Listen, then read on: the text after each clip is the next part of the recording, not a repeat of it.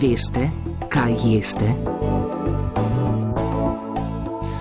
In v naslednjih minutah vam podrobneje predstavljamo vit vitamin B3. S tem izrazom pravzaprav označujemo niacin. Ta zajema več spojin, med katerimi se v hrani najpogosteje nahajata nikotinamid in nikotinska kislina. Nadaljuje pa izredna profesorica na fakulteti za farmacijo Ana Marija Zega. V našem telesu se nikotinska kislina pretvori eh, do nikotinamida, ki je prekurzor za dva od najpomembnejših koencimov v našem telesu, eh, za nikotinamid adenin dinukleotid in eh, nikotinamid adenin dinukleotid fosfat.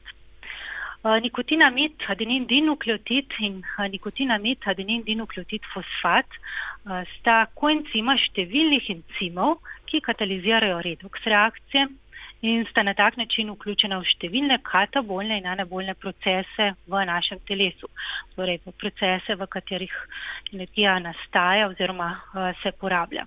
Torej več kot 400 encimov v našem telesu za delovanje potrebuje omenjena koencima.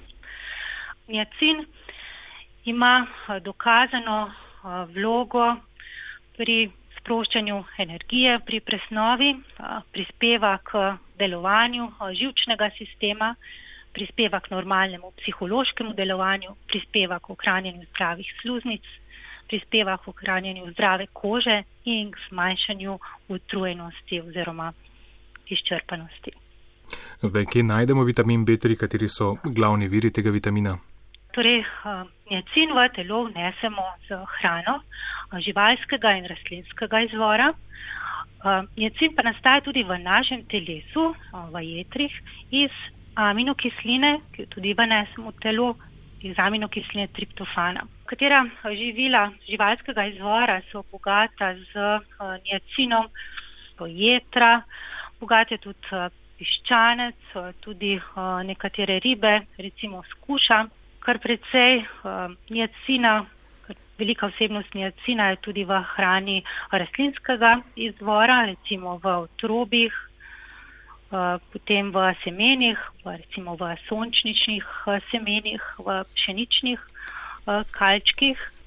Vendar je pri hrani rastlinskega izvora potrebna previdnost, ker je potrebna pravilna priprava take hrane, da je potem niacin na voljo za absorpcijo.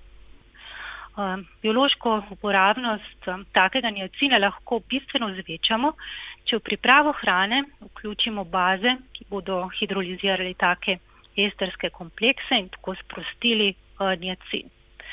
Sicer je niacin pri kuhanju, torej pri povišeni temperaturi obstojen, vendar moramo paziti, ker ga lahko velik delež izgubimo pri sami prihranih, ker moramo vedeti, da je ta cin vodotopen in da ga lahko del zavržemo z odlito vodo, v kateri smo hrano pripravljali. Prehrana mora torej vključevati ustrezen delež vitamina, torej niacina in njegovega prekurzorja, torej triptofana.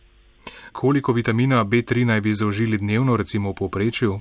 Priporočen dnevni vnos za odrasle na osnovi referenčnih vrednosti za označevanje živil znaša 16 mg niacina na dan. Ta vrednost ostaja nekako tudi enaka pri nosečnicah in pri doječih ženskah.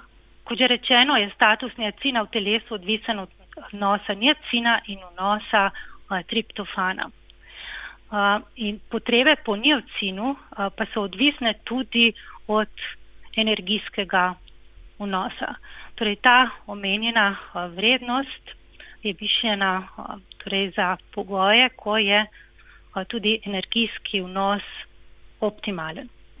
Kaj se pa zgodi, če nam vitamina B3 primankuje in kaj v primeru, če ga je v našem telesu preveč? Torej, pomankanje niacina lahko vodi do dermatoloških, gastrointestinalnih in nevroloških sprememb v telesu. Torej, če prehranski vnos tako niacina kot tudi triptofana dlje časa ni zadosten, se lahko pojavi sindrom imenovan pelagra. Torej, to je sindrom, ki se kaže v spremembah na koži, v gastrointestinalnem traktu ter živčevju. In če pelagre ne zdravimo, lahko vodi tudi v smrt. Torej, spremembe na koži v začetnih fazah spominjajo na sončne upekline, v kroničnih primerjih pa se koža debeli, lahko se pojavi hiperpigmentacija, koža se lupi. Simptomi povezani s prebavili se izražajo kot umetje ust, jezika, torej živo rdeč, utečen jezik, potem tudi kot bruhanje, zaprtje, tudi bolečine v trebuhu, diareja.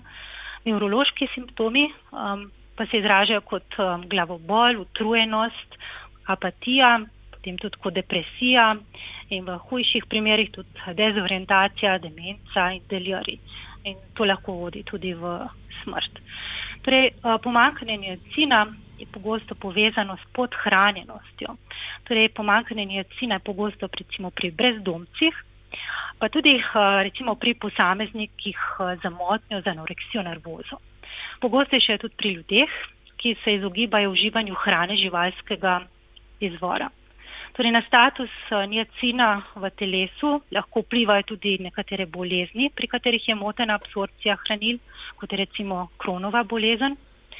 Tveganje za pomankanje niacina pa je tudi eh, večje recimo pri dializnih bolnikih, rakavih bolnikih, pa tudi recimo pri uh, kroničnih uh, alkoholikih. Torej, prekomerni vnos uh, niacina, torej, če zaužijemo preveč um, niacina, torej, splošnem je toksičnost niacina nizka. Um, pri višjih odmerkih nik nikotinske kisline se najpogosteje pojavi um, naval rdečice. Um, visoki odmerki nikotinske kisline, torej niacina, lahko povzročijo prebavne motnje, zgago, slabost, lahko tudi diarejo. Um, pri posameznikih, ki so imeli večje odmerke, so zabeležili tudi jetrne okvare, povečanje plazemskih nivojev jetrnih encimov, tudi zlatenico. Torej, dolgotrajno jemanje visokih odmerkov nikotinske kisline lahko povzroči moteno toleranco za glukozo in pri posameznikih s preddiabetičnim stanjem se lahko potem razvijajo tudi klinični znaki sladkorne bolezni tipa 2.